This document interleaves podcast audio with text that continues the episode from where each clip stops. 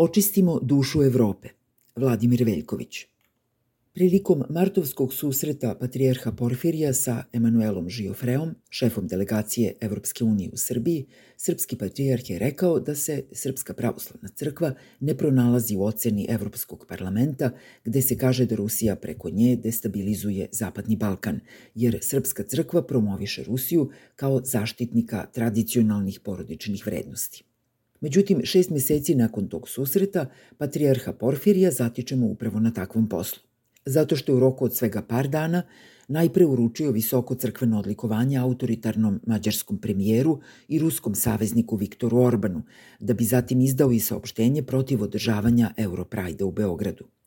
Oba poteza patrijarh je obrazložio zaštitom tradicionalnih vrednosti. Sa Žiofreom se izgleda desio formalni nesporazum. Naime, srpskom patrijarhu nije potreban ruski mentor da bi zagovarao ideologiju tradicionalnih vrednosti. Ova desničarska demagogija odgovara njegovom vlastitom svetonazoru i zvanična je ideologija Srpske pravoslavne crkve. Uručujući Orbanu orden Svetog Save prvog stepena, patrijarh Porfirije je rekao da svaki pojedinac i zajednica žive u skladu sa svojim sistemom vrednosti. Na osnovu njih oni organizuju svoj privatni, društveni i kulturni život i grade odnose sa drugima i drugačijima – ali smo danas suočeni, nastavlja Patrijarh, sa talasima novih sistema vrednosti koji se neredko agresivno globalno nameću s ciljem da uruše svaki postojeći prirodni i civilizacijski poredak, da uspostave novu paradigmu.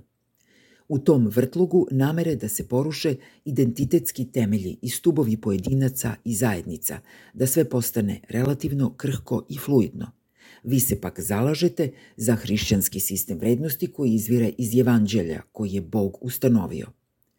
Ljudi su dakle prirodno podeljeni na autentične kulturne zajednice, te je zato neprirodno da između njih dolazi do globalističkog mešanja, a autoritarni lideri poput Orbana imaju mandat direktno od Boga da ovo mešanju stanu na put.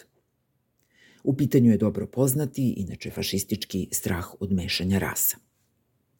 Orban je jedini političar danas, kaže patrijarh, koji u svom rečniku ima reči kao što su Bog, vera u Boga, crkva, duhovnost, hrišćanske vrednosti, jedinstvo svih hrišćana. A svoju naročitu jedinstvenost mađarski autokrata pokazuje upotrebom reči duša u sintagmi borba za dušu Evrope, naglašava Porfirije. Antiglobalistička borba za dušu Evrope uveliko je počela agresijom na Ukrajinu od strane Porfirijevog i Orbanovog saveznika Putina – kakva se kulturna politika sprovodi na okupiranim ukrajinskim teritorijama. Od početka ruske agresije na Ukrajinu u zonama ratnih dejstava oštećeno i srušeno više od 240 verskih objekata, navodi se u istraživanju Ukrajinskog instituta za verske slobode, ARF, objavljenog krajem juna. Najveći broj uništenih crkava, džamija i sinagoga je u regionu Donjecka 63, zatim u regionu glavnog grada Kijeva 47, iza kojeg slede oblasti Harkova 37 i Luganska 34. Najveći broj srušenih i oštećenih objekata pripada Ukrajinskoj pravoslavnoj crkvi, njih 100, koja se do početka rata nalazila u okviru Moskovskog patrijarhata i koja je zbog podrške patrijarha Kirila ratu proglasila samostalnost. U istraživanju ARF-a se takođe navodi da se na okupiranim teritorijama otvoreno sprovodi imperialistička ruska kulturna politika zasnovana na ideologiji ruskog sveta – U sklopu takve politike ruske okupacione vlasti uklanjaju i uništavaju knjige na ukrajinskom jeziku iz biblioteka, zabranjuju upotrebu ukrajinskog jezika u javnosti i na javnim mestima, na primjer u saobraćaju, i nastoje da preuzmu kontrolu nad verskim aktivnostima. Verski lideri se primoravaju da pravdaju rusku agresiju i potčine se verskim centrima u Rusiji, a njihova saradnja je najčešće iznuđena pretnjama i mučenjem. Studija ocenjuje da se agresija nad Ukrajinom od strane ruskih zvaničnika pravda zaštitom pravoslavnih vernika Moskovske patrijaršije i onih koji govore ruskim jezikom, ali da ruska vojska u Ukrajini faktički uništava bogomolje i vernike bez obzira na jezik, veru i etničku pripadnost. I zato je svaka verska zajednica u Ukrajini, zaključuje se u izveštaju ARF-a, u određenoj meri u opasnosti. Svoj mučenički identitet Srpska pravoslavna crkva je u novije vreme gradila na činjenici da je tokom sukoba na Kosovu 90. i u pogromu 2004. kako se obično ocenjuju tadašnje rušilačke albanske demonstracije, porušeno i oštećeno više sakralnih objekata Srpske pravoslavne crkve. Na osnovu toga bi bilo logično očekivati da ona pruži otvorenu podršku verskim zajednicama u Ukrajini i digne glas protiv uništavanja ukrajinskog duhovnog nasleđa. Trebalo bi da isti principi vladaju svuda, jednako na Kosovu i u Ukrajini, ali ne.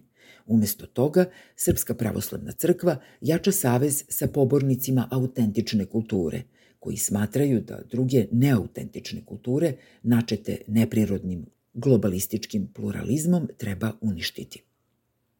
Ordenom Svetog Save naša crkva do sada nije odlikovala još samo Redžepa Tajpa Erdogana, nedemokratskog predsednika Turske – Njeno ordenje kiti grudi najpoznatijih autoritaraca i agresora našeg vremena, Putina, Lukašenka, Vučića, Dodika i sada Orbana. Ovim liderima je zajedničko to da su svi otvoreni ili prikriveni neprijatelji Evropske unije, liberalnih sloboda, ljudskih prava i demokratije. Neuvažavanje prosvetiteljske tradicije, snažna povezanost sa nacijom i nacionalizmom, težnja ka kolektivizmu – čine unutrašnje faktore u samom pravoslavlju i neminovno ga vuku u savez sa desnim autoritarizmom. Stoga dodela ordena Orbanu i istupanje protiv Europrajda nisu incidenti, već životna utakmica jedne verske tradicije koja je do sada svesno prespavala mnoge ključne progresivne momente evropske civilizacije.